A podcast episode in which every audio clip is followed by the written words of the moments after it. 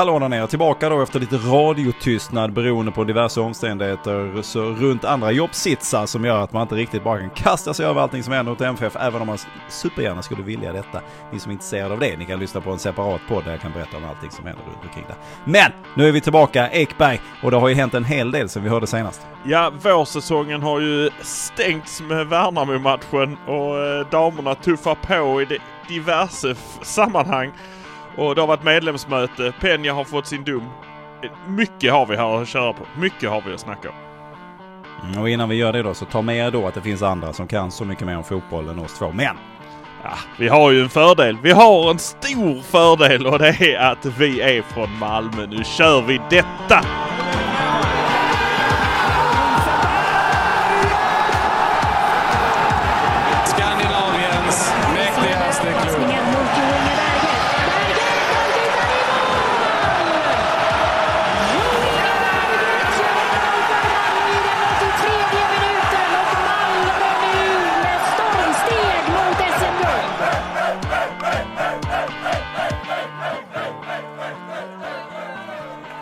Vårdelen av säsongen är avslutad. Malmö FF ligger etta i båda de serier där de då har representationslag. Är det så man kallar det då? A-lag så att säga. Både på herr och damsidan. Kul, kul, kul. Vi ska, väl då, ska vi ta oss an damerna först? Ska vi börja med det? För de började ändå spela sin match före herrarna gjorde det mot Värnamo. Så vi börjar i den ändan Ekberg. Du pratar ju Maxim efter matchen. Han var ju, han var ju nöjd. De skulle gjort fler mål tyckte han än vad jo, de Du ska bara flika in resultatet Ekberg. ja, det blev 8-1. så att, eh, men det som var mest eh, spännande i den matchen egentligen, det, det var inte så mycket att säga. Södra Sandby ligger sist i serien, är avhängda. Malmö har ju haft spelare utlånade dit och tagit hem eh, en stor del av de som var där förra året. Så att visst, lite vinklippta är de och eh, dagen innan eh, så satt jag faktiskt och pratade lite grann med Maxim också eh, på fredagen där. Eh, vi, skulle, vi väntade faktiskt på att vi skulle få träffa Busanello eh, och då satt jag och snackade med Maxim lite om Södra Sandby så sa han ja de, de är roliga på så sätt att de backar liksom inte hem utan de, de kör på. Jag, jag drog parallellen mot eh, herrarna som mötte Real Madrid och förlorade med 8-0.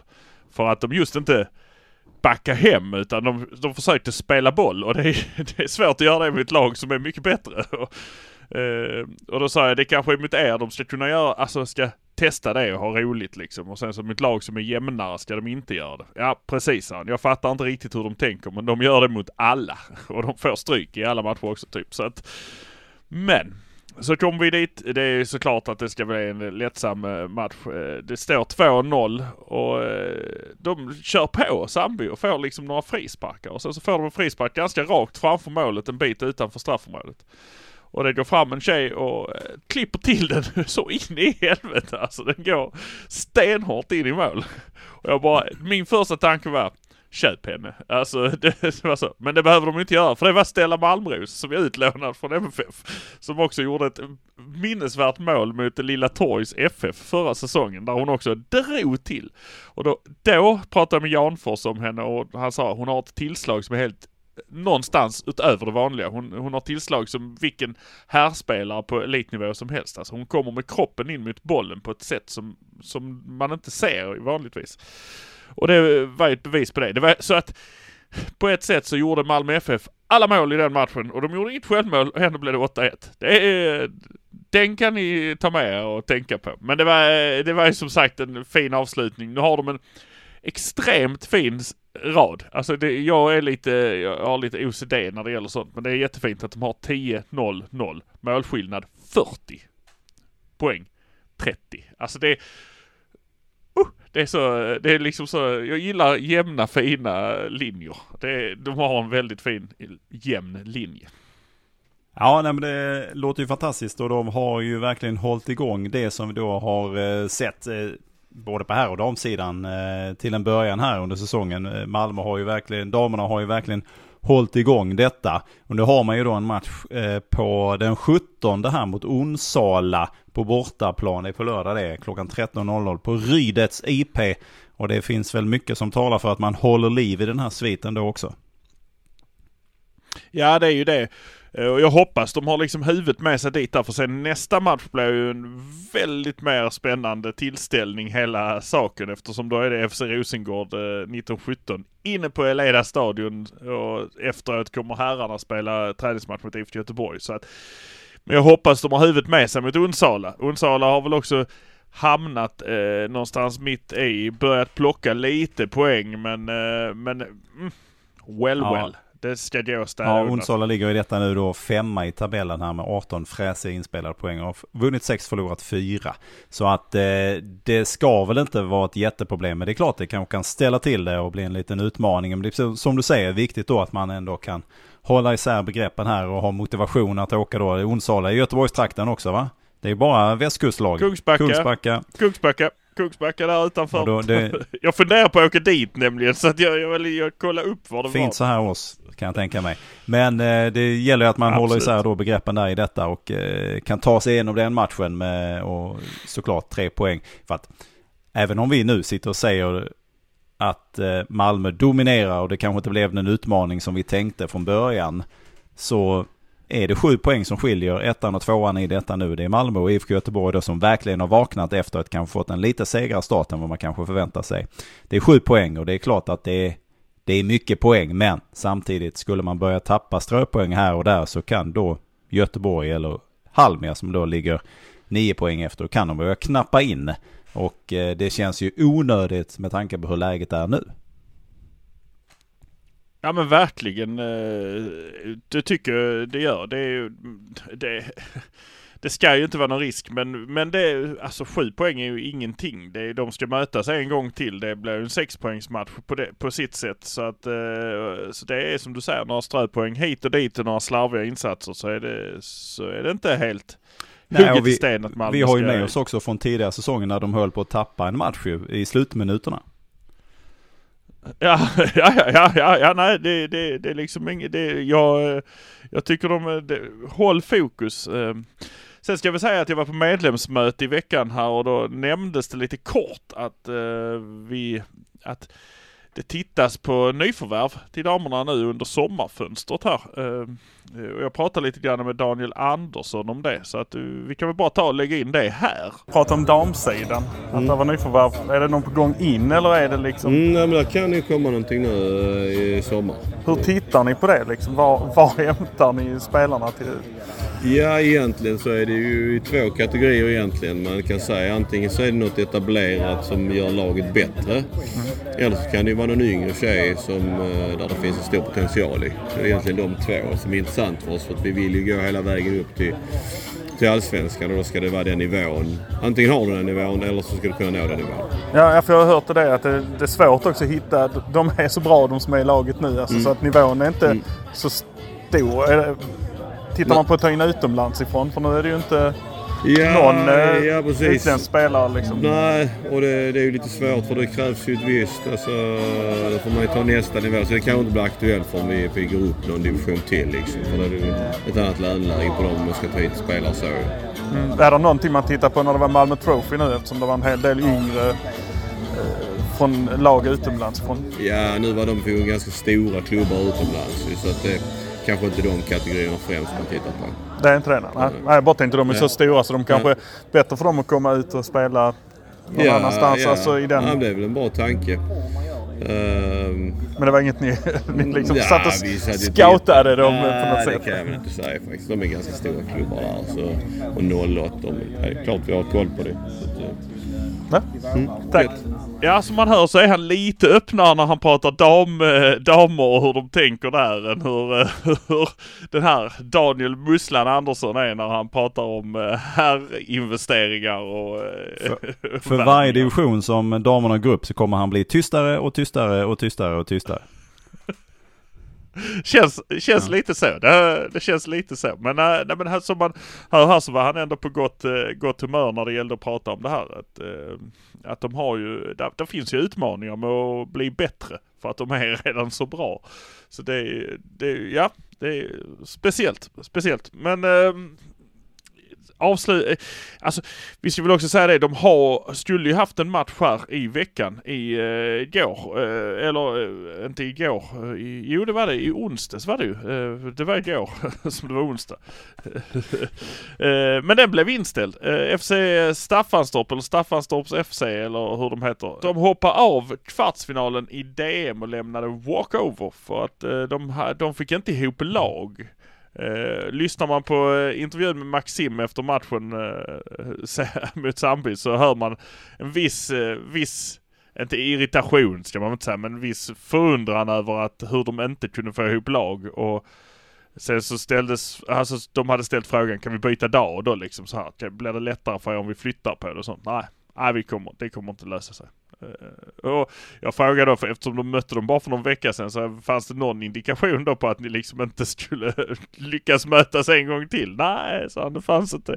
Jag vet inte hur de har tänkt, om de bara skiter i det och inte pallar åka hit och förlora eller någonting. Jag, jag vet inte, men uh, uh, så att de gick rakt vidare till semifinal i DM. det var Vi får återkomma där och se vilka som nu finns med i då slutspelsdelen där i DM. För att Damerna var i final förra året, förlorade snöpligt då, för att se om man kan ta revansch i år då. Nu är det också spännande efter man då kliver in i Svenska Cupen här. Det var ju mycket tack vare att man tog sig så långt i DM förra året som man då fick komma in och vara med där nu då. Så det finns mycket att prata om längre fram när det gäller damerna, men just här och nu då så har de då Onsala, sen är det då FC R 1917 som står på programmet inne på Eleda. Kommer bli spännande där. Du, om vi lägger det till handlingarna, går in då på eh, matchen mot Värnamo som många har sagt mycket om. Men vi kan väl ändå konstatera att det börjar väl på värsta tänkbara sätt. Ja, jag vet inte vad de sysslar med. Jag är inte riktigt vakna när de släpper förbi en kille som också gör det väldigt bra. Eh, det är ju ett avslut, när han väl kommer till läget och, gör avslutet så är det ju ett kalasavslut som inte är mycket att, snacka om. Men eh, det var väl två minuter in i matchen eller någonting så, så hade man gett Värnamo lite eh, lite handikapp. Eh, så att man, eh, så man kunde få lite match i den här matchen också. Eh, då, då, tänkte jag att ja, det är, det är ju oavgjort. Det, är ju, det var ju det jag sa. Alltså det är ju typ nästan 50% oavgjort. Jag skrev ihop en liten, ratta ner lite tankar innan matchen där. Eh, och eh, eh Ja, jag, i början där så kunde jag inte se liksom så. Jag, det var samma som jag kände att, ja de spelar mot Degerfors. Ja visst, de var jättebra mot Degerfors, men Degerfors var också klappusla. De var helt värdelösa. Det var inte Värnamo. Värnamo hade ett spel och var uppe. Det, Värnamo är väl ändå det laget som har haft bo mest boll mot Malmö under hela vårsäsongen i stort. Alltså även om du jämför med Häcken och Elfsborg. Så att det var ett lag som ändå hade en eh, press och en idé om hur de skulle, hur de skulle möta Malmö. Så, ja, det, var, det, var, det såg verkligen första eh, 25-30 såg det tungt ut. Höjdes många röster på Twitter om det verkligen hade varit så smart att låta Hugo Larsson ha studentfest eh, dagen innan. det kanske de inte kunde styra men de kunde ju styra, styra om att han inte startar matchen kanske. Men, eh, men, men man spelar upp gjorde man. Vi kan titta lite på statistiken eftersom du är inne på den där. Och du, helt riktigt, bollinnehavet totalt sett över matchen var 57% till MFF, 43 till Värnamo. Det tror jag inte vi har sett. Det var länge sedan vi såg den typen av siffror. Eh, för, för, för, till ett annat lags fördel ska jag säga. Men, eh, och tittar man sen vidare på vad det gäller passningsprocenten där, eller passningarna framförallt då, så Malmö brukar ju ligga rätt högt upp, men här man bara, fick man bara ihop 528 stycken mot Värnamos 407. Och passningsprecisionen som brukar ah. ligga ganska högt hos Malmö, den var nere på 83% kontra då 78 på Värnamo. Så att någonting gjorde de ju rätt. Sen hade ju då Malmö ett par ja. fördelar som Värnamo inte har. I det här fallet var det då Taha Ali som gjorde det på egen hand mer eller mindre. Ja, målet han gör är ju, det är, det är helt, det är ju, det är precis det vi har sagt om Tarali Ali. Att han, eh, man vet inte vad han ska göra riktigt. det, det vet han ju nog inte själv heller när han sätter igång. Men alltså att han bara tar bollen, går upp och sen så, nej men jag går förbi dig ner mot kortsidan här. Nej, jag går in igen i banan. och sen så, jag tar ett steg till. Uh, nu skjuter jag rätt upp i nättaket. Ja. Alltså, ja men just det var så rätt allting Ja, han men just gjorde. också för att det är väl klart att man har sett folk som har kunnat dra sig igenom försvar eller komma loss på kanten och allt vad det nu kan vara. Men just att man också kan avsluta i mål. För ofta brukar det ju vara, ska vi gå tillbaka till Fredrik Ljungbergs tid så kunde han absolut göra rusningar och dragningar. Sen sköt han ju 17 meter över målet. Men här sitter ju allting, det är ju det som är skillnaden i detta och det är det, det måste man verkligen sätta ett utropstecken för och premiera. För att herregud, de flesta kan ta sig igenom, saxa sig igenom. Och sen blir det inget mer av det. Men det är ju det som utmärker det är det som gör skillnaden. Det är det som också börjar långsamt få mig att känna, hmm, hur länge blir han kvar? ja, det är ju, det, det kan man ju säga efter den här matchen har det ju, har det ju verkligen eh, lyfts ögon på honom från runt om i världen hur, eh, hur jävla bra han är. Alltså det har ju kommit upp statistik eh, tjohej om hur bra han är. Jag såg också någon, någon jämförelse med, med hur hur mycket avslut och hur mycket progression man har gjort och sånt här. Där man jämför Malmö-spelare och, och eh, en massa andra, alltså en massa spelare bara. De var inte nämnda vid namn. Men man hade också kollat honom i Helsingborg också mot någon annan eh, Malmö-spelare.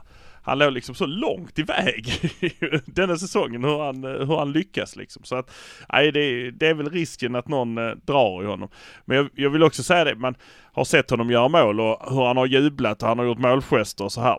Nu låg de under med 0-1. Det han gör är bara rätt tillbaka till mittpunkten för att det här ska vändas. Det, och det, det är också en man kan tycka det är det lilla i det här, men eh, man kan minnas John Guidetti som gjorde 1-1 på just Värnamo förra året och fira som om han hade tagit Champions League-guld. Eh, men det är inte det detta handlar om utan det handlar liksom om att eh, han firade när han gjorde 2-1 istället till Ali. Då sprang han ut till, till fansen. Men, eh, men där sammanbitet, vi hade 0-1, vi ska vinna den här matchen, vi ska ta detta här, vi ska fortsätta mala på, vi ska gå på strupen. Det är liksom den mentaliteten som ligger i hela laget tycker jag. Ja, nej, men absolut. Och det, det, är ju härligt att han symboliserar detta och tagit det till sig. För att sen så gör han ju ett mål till här sen. Nanasi som då poängkung. Alltså eh, det är ju egentligen otroligt. Förra säsongen satt vi här och tänkte att det kommer bli det stora genombrottet. Kom lite senare, kom i Kalmar istället. Men nu är det ju, nu, nu är det helt bananas. Nu gör han ju poäng i varje match. Ja, och det jag, det jag hörde som gjorde mig ännu gladare var att eh, när vi satt dagen innan där på fredagen och, och lyssnade på Rydström eh, prata om kommande matcher liksom sånt här och var och, och då pratades det lite grann om Nanasi och då sa han det att ja det, det har, de senaste veckorna här har det skett någonting. Han har gått från en liksom ungdomsspelare till en det är lite grann, Rydström är ju rätt öppen med hur han uttrycker sig. Så att, så att det var ju verkligen så här. Han sa, ja men det, var, det är lite grann som att AC är borta, den naturliga ledaren. Och många har tittat mot AC så fort det har varit någonting. Alltså så fort det har gått emot, så fort det har behövts någonting, så har man tittat mot AC. Men det verkar som att Sebbe har då förstått att AC är inte här, utan nu måste någon annan ta den rollen. Och han har bara klivit rakt in och tagit den ledarrollen på träning, på allting. Eh, och vissa andra eh, så har också tagit ett, liksom ett ytterligare kliv och gått in i den här ledarrollen så det har liksom spritt sig större än vad AC, alltså att man tappar AC, ja. Men det har spritt sig liksom ut till fler. Alltså Martin Olsson är ju också en kille som verkligen på alla sätt eh, gratulerar, pratar med, peppar, stöttar, är liksom runt och på allt och alla. Uh, och frågan kom om han kom i tid numera. ja, om han kommer i tid, då gick Martin Olsson precis förbi. Kommer han i tid så är han verklig klippare att ha att göra med. och så skrattades det gott. Men, men just Nanasi hade gått för, det var liksom hans uttryck att han har gått från eh, liksom ungdomsspelare till uh, till ledare, seniorledare. Han tar liksom, han tar ansvaret på träningarna och, och skäller och donar och grejer. Så att och det, det, märks ju också någonstans ute på planen att han har tagit det förtroendet med sig och bara, bara lyft lite grann. För att han kanske inte syns hela tiden. Han kanske inte hela tiden gör massa briljanta grejer men han har blivit effektiv. Han har liksom hittat en, en helt annan spets. Men det börjar ju bli det här som man kan känna runt vissa spelare att när han eller hon får bollen, då kommer det att hända någonting och då kan det hända någonting. Och det kunde man väl se lite av när han spelade i MFF förra våren också. Men då kändes det lite för tunt fortfarande. Jag har eh, tydliga minnen av den här, det var väl Hammarby-matchen tror jag då eh, på Tele2 förra säsongen. Då han var bra men också manövrerades undan ganska enkelt. Nu känns det ju som när han får bollen nu så finns det ju stor chans att det blir en assist eller ett mål eller en farlighet överhuvudtaget. Så där har det ju verkligen hänt någonting. Han assisterar ju egentligen Taha Ali men sen så gjorde inte han så Han la så många meter emellan så, folk, så att svenska fotbollförbundet... Var, var går gränsen för assist? ah, Ja, det, var, det handlar ju någonting om att man ska sätta dem i ett direkt läge som blir liksom mål. Eh, och det, det, tyckte de inte att, eh, att detta var för att han assisterar honom men sen så driver han den över hela planen och går in och gör mer än typ tre gubbar eller något sånt där innan han Men det är bara, det är bara för att han vill. Jag, jag, tycker, jag har sett det målet så många gånger nu för att det är så Fan vad jobbigt det måste vara att vara försvarare mot Ali. Just för att inte vet vad han ska göra så du kan aldrig tjuva en meter. Du kan aldrig chansa på att gå först. Ja, jag... Du måste alltid låta honom få en sekund före dig. Och sen ska du hänga med på det ändå. Och så lurar han dig en gång där, då är du borta. Ja, mina, du är bara borta. mina tankar gick ju direkt faktiskt till Zlatan och det han gjorde i Allsvenskan för MFF mot Djurgården var det väl som han liksom bara massakrerade igenom hela försvaret och det hade, ska man väl komma ihåg, det var Aftonbladet eller Expressen hade haft en intervju med Djurgårdarna då som sa att här, här är de som ska stoppa Zlatan, han kommer inte komma förbi och så klipp till matchen och så prrr, pang säger det bara så sitter den där. Det är ju samma sak, jag hörde att man också diskuterar i en annan MFF-podd att eh, detta Taha Ali är den mest underhållande spelaren i Allsvenskan genom alla tider. Medan jag, ah jo absolut. Och han gör det konsekvent, det gör han. Den här säsongen var varit fantastisk. Men jag, jag tycker ju ändå någonstans att eh, Zlatan bör nämnas i den diskussionen. Framförallt ur MFF-håll. Och med tanke på också på att det, den typen av teknik, man kan säga vad man vill, den typen av teknik som han visade upp 2001, den hade vi inte sett i allsvenskan innan dess. Nej, men det hade vi inte och det får man väl ändå säga att eh fotbollsmässigt och teknikmässigt så var han ju rolig eh, långt in på 2000-talet. Sen så blev han ju effektiv ja. och bättre. Målen, men så. han blev mindre, ro, blev mindre rolig. Men han var ju förbannat rolig. Nej, det är ju inte för inte när han gör det här där han skriker showtime, showtime, showtime. Knastriga inspelningen från träningsanläggningen eh, som, som finns någonstans och cirkulerar. Där han också bara liksom gör mål från, alltså han tar bollen och bara går rakt ner och gör mål förbi alla. Eh, så att, men Tali hade, det, det, var ju mycket snack. Jag satt i den båten långt innan eh, den var klar och byggd. Den satt Tog fortfarande in vatten i Helsingborg. det, det, det var, den höll på att målas i torrdocka i Helsingborgs hamn innan jag...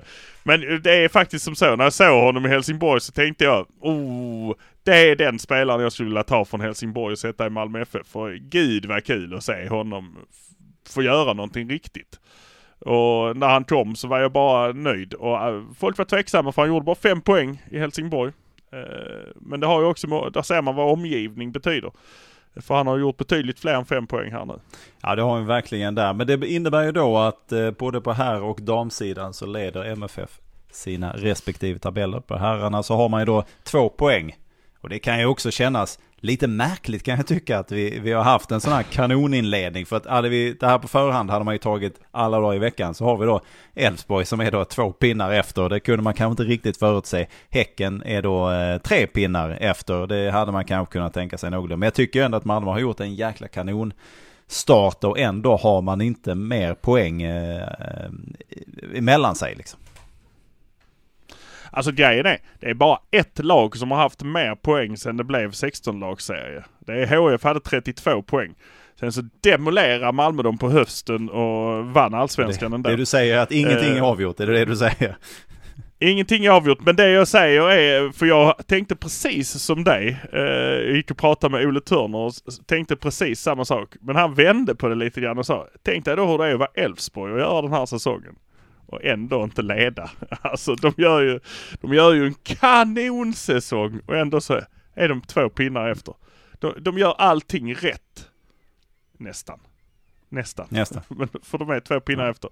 Och eh, Häcken har väl en match mer spelad också eller något sånt här? Stämmer. Eller hur ja, det stämmer. Ja, så att det, det, det kan ju vara sex poäng. Det vet man Nej. inte. Eh, Nej, så är det ju så- såklart. Eh, Så, Poängen ska ju tas också när de väl spelar. Det- Så att vi, vi får väl se. Men ja, det, är ju, det, det kan vara så. Jag, jag, jag, jag liksom så.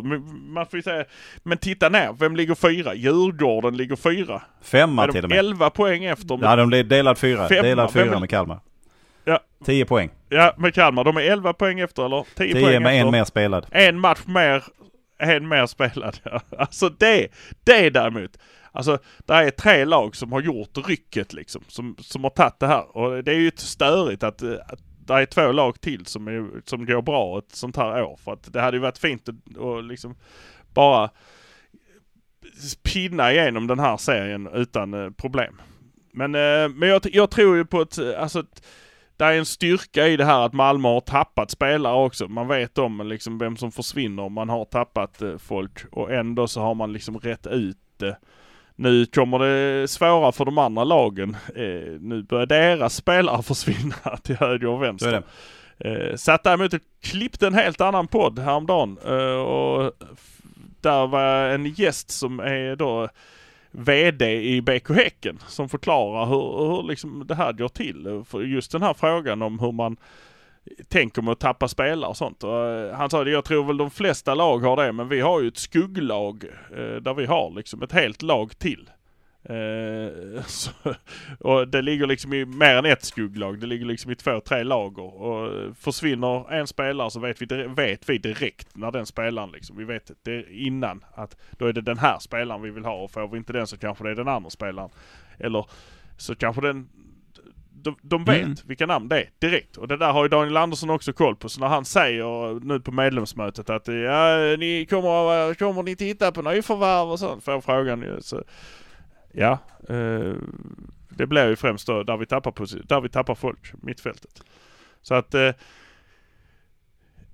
det, det känns ju bra. Vi behöver inte värva någon för att det är svagt på någon position utan vi bara värvar någon för att ersätta någon som försvinner. Alltså vi tar från det här skugglaget och, och lyfter upp så att vi fortsätter hålla samma nivå. Eh, det känns jävligt bra. Men eh, sen så vet man inte vad gör de andra lagen. Ondrejka försvinner i, Ja, Häcken sålde väl, vad heter han, Lars någonting. Nu. Ode Larsen. precis. Och han är spelare jag ogillar starkt att möta för att han, eh, han kan dra bollen stenhårt utifrån med precision också. Mm. Så att, eh, tack. Ja, det, det, Tack. det blir ju förändringar i alla lag här. eh, Så får man ju se hur mycket man kan ersätta dem. Jag, efter en sån här säsong så, så är det klart att ögonen kanske då öppnas för spelare som kanske inte var i fokus innan. Alltså nu kan vara den Ali kanske man inte tänkte att han skulle ja, objekt för att kanske lämna redan i sommar. Det kanske han blir. Nanasi kanske man inte heller tänkte att eh, han skulle springa iväg kanske i sommar. Men så kan det kanske bli. Om inte annat så springer de kanske iväg till hösten sen. eh, när eh, vi börjar närma oss slutet på säsongen. Men, så att det, det kommer ju bli en del, tror jag, rumstrerande runt här. Då gäller det att man också klickar i. För att eh, det får man ju verkligen säga nu här under våren så har ju spelet för herrarnas del sett lysande ut rakt igenom. Så de har gått på pumpen då mot eh, Elfsborg till exempel och även mot Häcken kanske. Ja, och mot, Elfsborg spelar de okej. Mot Häcken spelar de okej. Men det räcker inte mot Elfsborg och Häcken i år att spela okej. Eh, för Man måste spela bra mot dem. Alltså man måste spela riktigt Och Elfsborg bra. har man ju på hemmaplan Så, sen eh, också ska man komma ihåg. Och det kommer ju kunna göra en viss skillnad misstänker jag i alla fall. Så att eh, det... Ja, det tror jag också. Nåväl, men då stänger vi till eh, dörren här nu i detta nu då. Så vi pratar lite... Måste ju, nej, vi måste ju, måste ju nämna en sak. Jag tänkte vi skulle gå in på det när vi pratade om eh, Nanasis Mm. assist. Men vi får ju en spelare som gjorde sin blott andra assist i MFF eh, genom tiderna. Dalleballe. Han gjorde det senast 2011. Johan Ja. Dahlin. Och hans fantastiska intervju efter matchen när de frågar honom. Ja, där drar du iväg den bara. Vadå bara? Jag sa ju, hörde ni inte att jag ropade på Tara innan jag sköt? alltså, så det var meningen.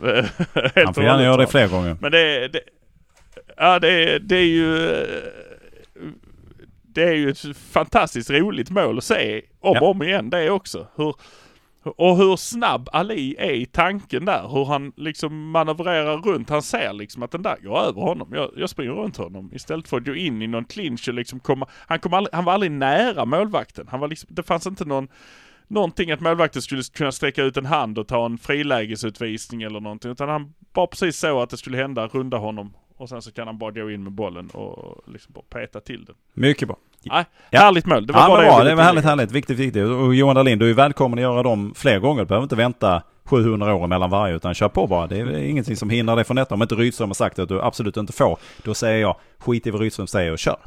Nåväl, vi stänger igen där då. då. Vi konstaterar då att det har varit en ganska eh, positiv eh, vår här för eh, MFFs representationlag då på här och damsidan. Då ska vi, eh, vi ska gå in på Penja här nu, sen ska vi prata lite förvärvsmöjligheter också. Kanske en liten kort bara sammanfattning vad vi tycker egentligen. Och medlemsmöte ska du prata lite om. Herregud, tar jag aldrig slut det här. Nåväl, Penja då, då kom dom i veckan. Det blev eh, ett skadestånd och så blev det då 50 timmars samhällstjänst. Det MFF säger nu det är att de har ta- vidtagit de disciplinära åtgärder som de tycker känns rimliga. Det pratas ju om att man har gett honom en månadslön i avdrag. Eh, de kommer inte göra mer och nu är jag nyfiken för vi har ju snackat om det här lite fram och tillbaka. Räcker detta Ekberg? Ja men det tycker jag väl. Eh, det är ju, han är ju dömd i tingsrätten. De har ju ansett att 50, dag, eh, 50 timmars samhällstjänst och villkorlig dom är hans, hans straff för Mm. detta. Eh, och det, det tycker jag, det, det får ju räcka liksom. Det, Och, och om vi då ger oss... det är ju inte mer man kan begära. Vad ska man hålla på och extra straffa honom en massa för? Nej men det, det, det, det är ju många som har... Många om som har pratat om också att man borde stängt av honom en match, vilket jag tycker verkar helt värdelöst. Nu har man, nu Ja, har man, fått, det- har man fått domen, så då kan jag ju tycka någonstans att då kanske man skulle omvärdera det beslutet då. Och fundera på att, ja men under de här, jag vet inte, jag vet inte hur det går till när man gör de här, den här samhällstjänsten. Jag har ingen aning hur det funkar och hur långt det tar, om det ska se ut på ett visst sätt eller om det är en vecka man kan riva av det så att säga, eller göra det man ska göra det ordentligt såklart. Men, eh, eller hur det funkar, men då, då kan jag ju ändå leka med tanken, ja men borde han vara avstängd under tiden som han gör samhällstjänsten? Ja men han hinner nog göra den innan säsongen startar om. Ja det är Alltså, mycket möjligt, men då, då, då borde så. det, Jag, jag, då borde det kanske, borde det kanske kommunicerats. För MFF skriver ju själv på sin sida att vi kommer inte vidta några ytterligare. Vi tycker att det här är, räcker. Och jag kan förstå de som tycker att någon form av avstängning borde det kanske ha blivit eller någonting ytterligare. Jag eh, tycker det är ju, de som snackar om att ja, stänga av en match eh, för symboliken, det tycker jag är skitsnack. Det kan man stoppa vad man vill, för det, det spelar ingen som helst roll. Det betyder ingenting, det är bara luft. Men jag kan förstå ifall man då lyfter debatten nu och säger, men borde han då under samhällstjänsten då kanske inte finnas med uttagningsbar eh, i truppen? Och sen visst, kan man då lösa det under det här uppehållet så då får man ju göra det. Men jag kan ändå tycka det är värt att lyfta den frågan. Ja, ja, ja, ja nej, jag, jag vet inte. Jag tycker ju samtidigt man har gett honom någon form av straff redan med, med löneavdraget där som man pratar om. Det kanske är något mer. Det vet jag inte. Han kanske måste skrubba toaletterna. Eller Nej det vet jag, vi inte för det. MFF kommunicerar ju inte det och det, det, det, det är väl upp till dem Nej, att bestämma. Men på medlemsmötet, medlemsmötet som då var dagen innan Eh, själva domen föll. Då, då gick eh, Carlén tydligt ut, var väldigt tydlig och sa så här är det. Eh, förutsatt vad som händer imorgon då. Eh, men vi kommer inte ge honom något ytterligare. Eh, från vår sida kommer det inget ytterligare oavsett vad som liksom så här. Eh, såklart. Skulle det bli någonting där han inte kan spela så, så kommer han ju inte kunna spela. Men, eh, men eh, sen ser vi liksom den här saken utagerad Mm. typ. Om, om det, alltså så, vi, vi bara väntar Ja. in. Ja, nej, men jag kan ändå tycka det är värt att dividera om detta ifall man verkligen tycker att det räcker. Sen å andra sidan kan man vända på det att i och med att man då har valt den här vägen, gjort på det här sättet, så kanske man också har byggt någon form av trygghet. Det här kanske varit bra för Penja i, långsiktigt i att han känner sig som en del av gruppen och som en del av organisationen.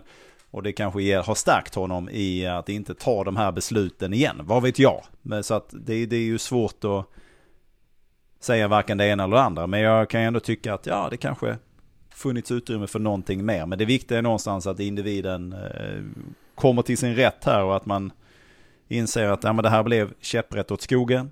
Och så får man ta det därifrån och det här kanske då har byggt och styrkt honom i gruppen vilket leder till bättre beslut framåt.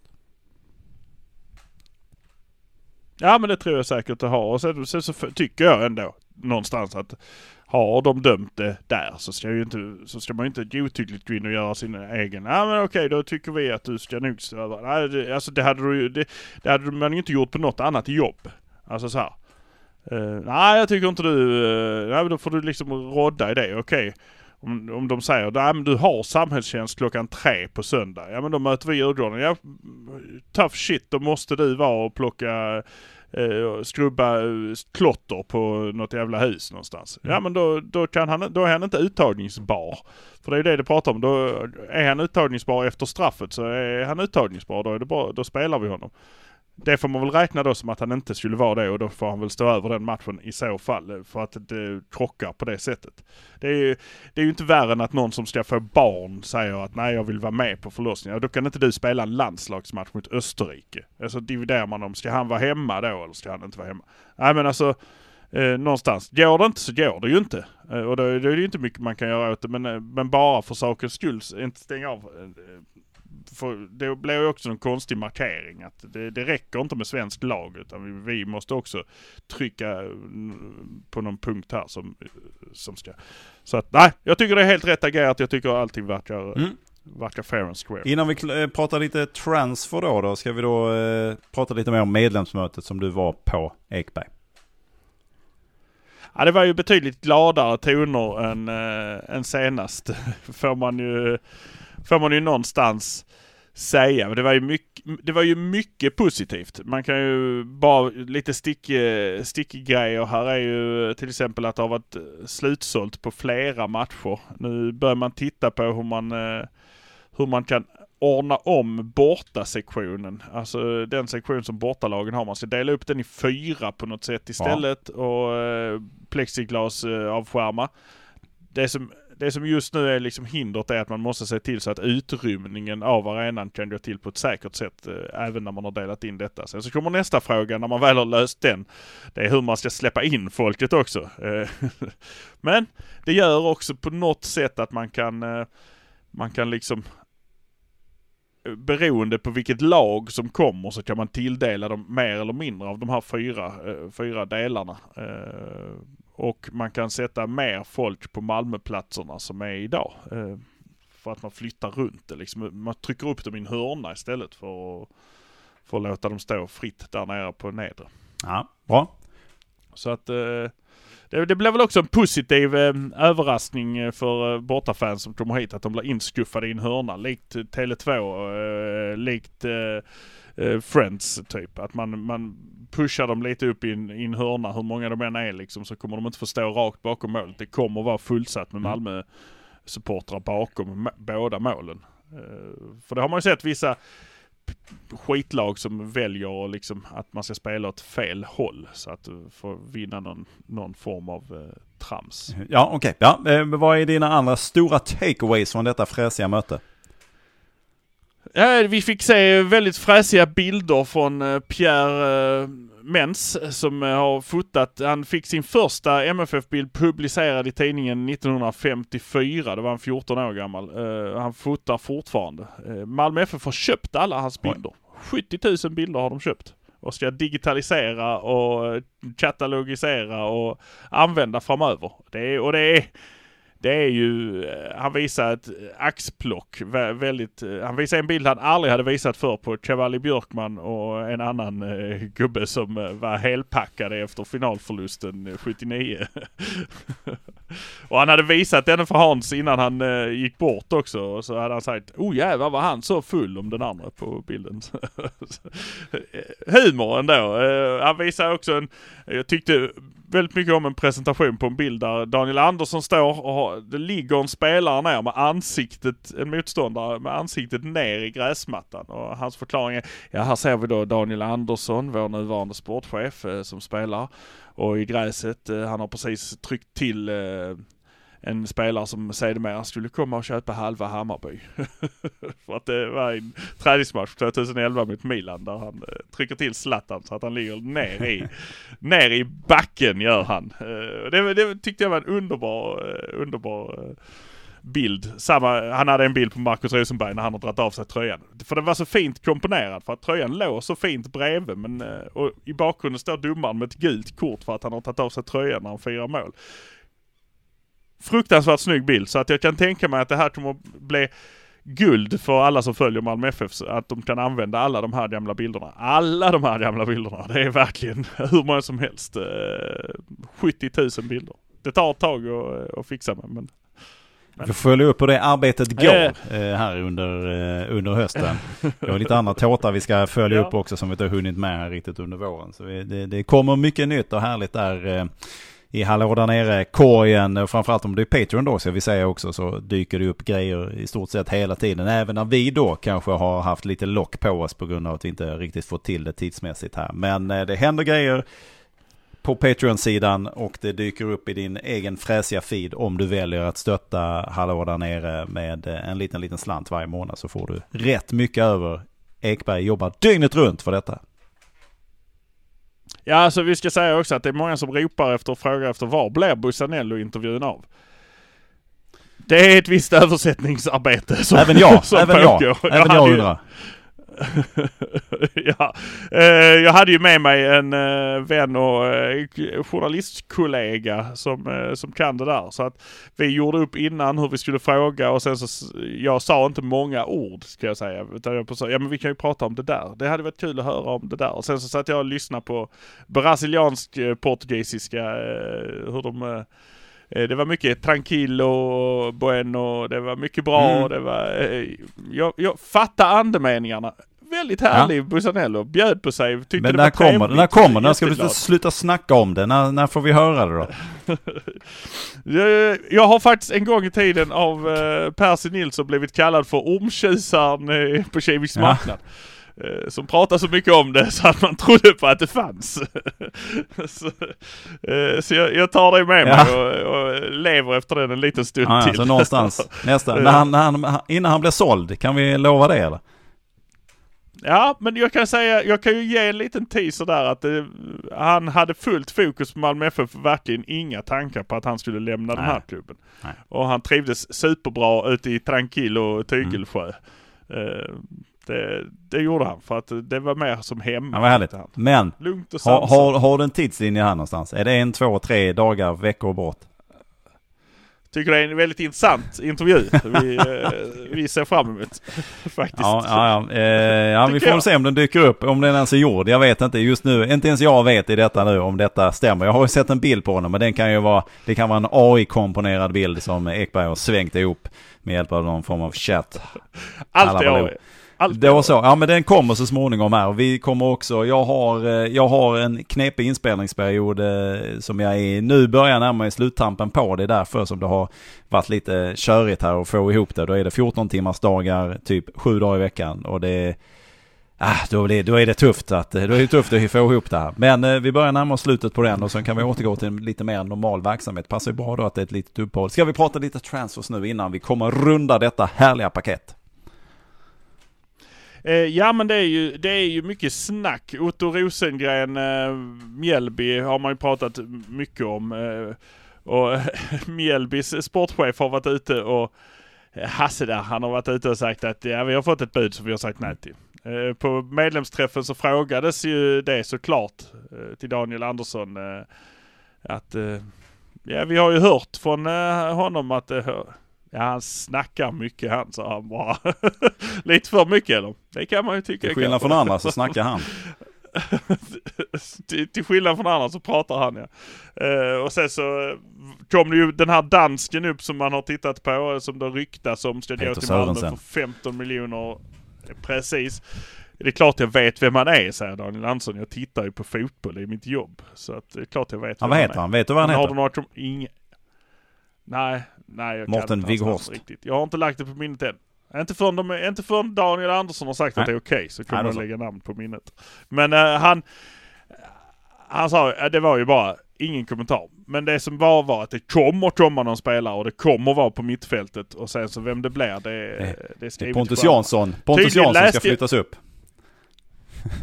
Pontus Jansson flyttas upp. Eh, äh, det finns ju många som vill se eh, Derek Cornelius flyttas upp. Eh, om man nu speciellt tänker på hur bra Moisander har varit i de senaste matcherna så kan man sätta honom på Cornelius plats och så flytta upp Cornelius. Det kan hända mycket. Men det kommer komma någon spelare. Så är det bara. Eh, sen är det ju också intressant. Eh, de flesta lånen eh, som är ute eh, som kommer tillbaka här nu där lånen tar slut kommer antagligen lånas ut eller säljas. Eh, så enkelt är det. Det, de, det, är ingen av dem som direkt kommer vara kvar. Lite var det Felix Bejmo, vi får titta på hur det går för Anton. Men allting som indikerades innan var att Anton Tinnerholm är klar för att spela när serien sätter igång igen. De har liksom safeat ut honom bara vårsäsongen. Intressant för din del kanske var att jag läste att eh, Rangers har dumpat Colak. Ja, ja precis. De har så. väl uh, har inte valt att förlänga. Han har gift sig här nu, Colak, så vi säger stort grattis. Kul, kul, fint, fint. Så det. så det är härligt, härligt. Ja, men det blir intressant att se. Nej, jag är väl inte... Det var då, nu är nu va. Nu har man gjort de här valen. Nej, Colak är inte komma tillbaka till MFF. Det tycker inte jag. Nu måste man ju hitta, måste man hitta någonting som då är kanske lite, lite yngre. Men vi ska också komma ihåg att Colak... Berget då? Om jag säger Berget då Colak och Isak är ju ungefär i samma ålder. Vi behöver ju någonting som är lite, lite yngre. Jag vet ju att eh, det är många som inte tycker att Abubakari har någonting att göra men, i Malmö FF. Men jag kan väl ändå, herregud, vad har han vunnit? Två eller tre mästerskap på ett halvår, eller vad är det? Eh. Fyra titlar på ett år. Alltså det, det, någonting har ju Kahn och det har vi ju, vi har ju pratat om det att någonting finns det ju. Det är bara det att det verkar inte, alla bitarna sitter inte ihop. Det är ju det, Nej, det, det, är ju det som har saknats. Sen så finns ju alla, alla beståndsdelarna finns där, men de är inte på samma papper i detta nu, inte på samma ritning. Så att kan han bara få till det så tror jag han skulle kunna vara ett fräsigt komplement för att det är ju uppenbart att han och Isak har rätt olika spelstil.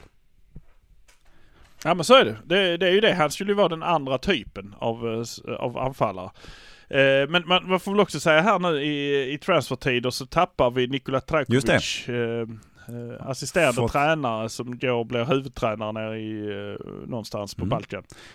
Jag kommer inte ihåg vad Nej det gör inte jag heller, men jag läste om detta och eh, han kom hit då tillsammans med Milos. Sen valde han ju, alltså fick han ju stanna kvar eller valde att stanna kvar. Jag vet inte hur det funkar. Det betyder kanske inte att man får kicken bara för att huvudtränaren som har tagit dit en får kicken så behöver man kanske inte gå. Jag, jag vet ju inte exakt vilka ansvarsområden han har haft och vad han har gjort. Har inte pratat supermycket, det vet du Ekberg. Offensiva, offensiva fasta situationer.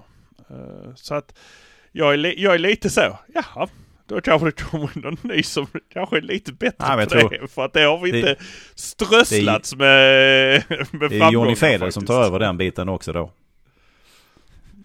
ja, eller eh, det, det ryktas visst lätt om att eh, eh P19 Westerberg, inte Alf då, gobben, utan Max, han ska komma upp och ta den ja, rollen. Spännande.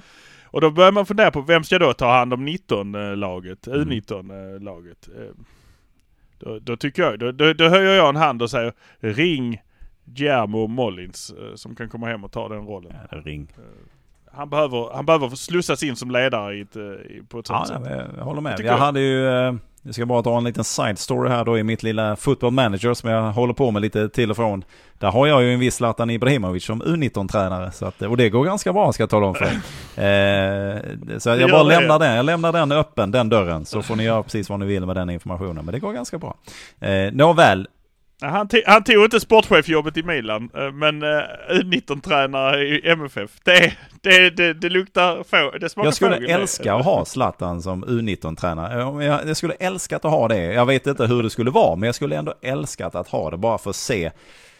Bara för att se, alltså vara i närheten av den uh, vi kan tycka vad vi vill om Zlatan Ibrahimovic. Det vi, det vi måste vara överens om då, det är ju den kapaciteten, den förmågan och den begåvning och den träningsvilja och bla bla bla bla bla som han har och besitter och det han har uppnått och den framgången han har haft. Den kan man inte ta ifrån. Att bara vara i närheten av den typen av människor gör ju på något sätt att man höjer sig lite, lite själv.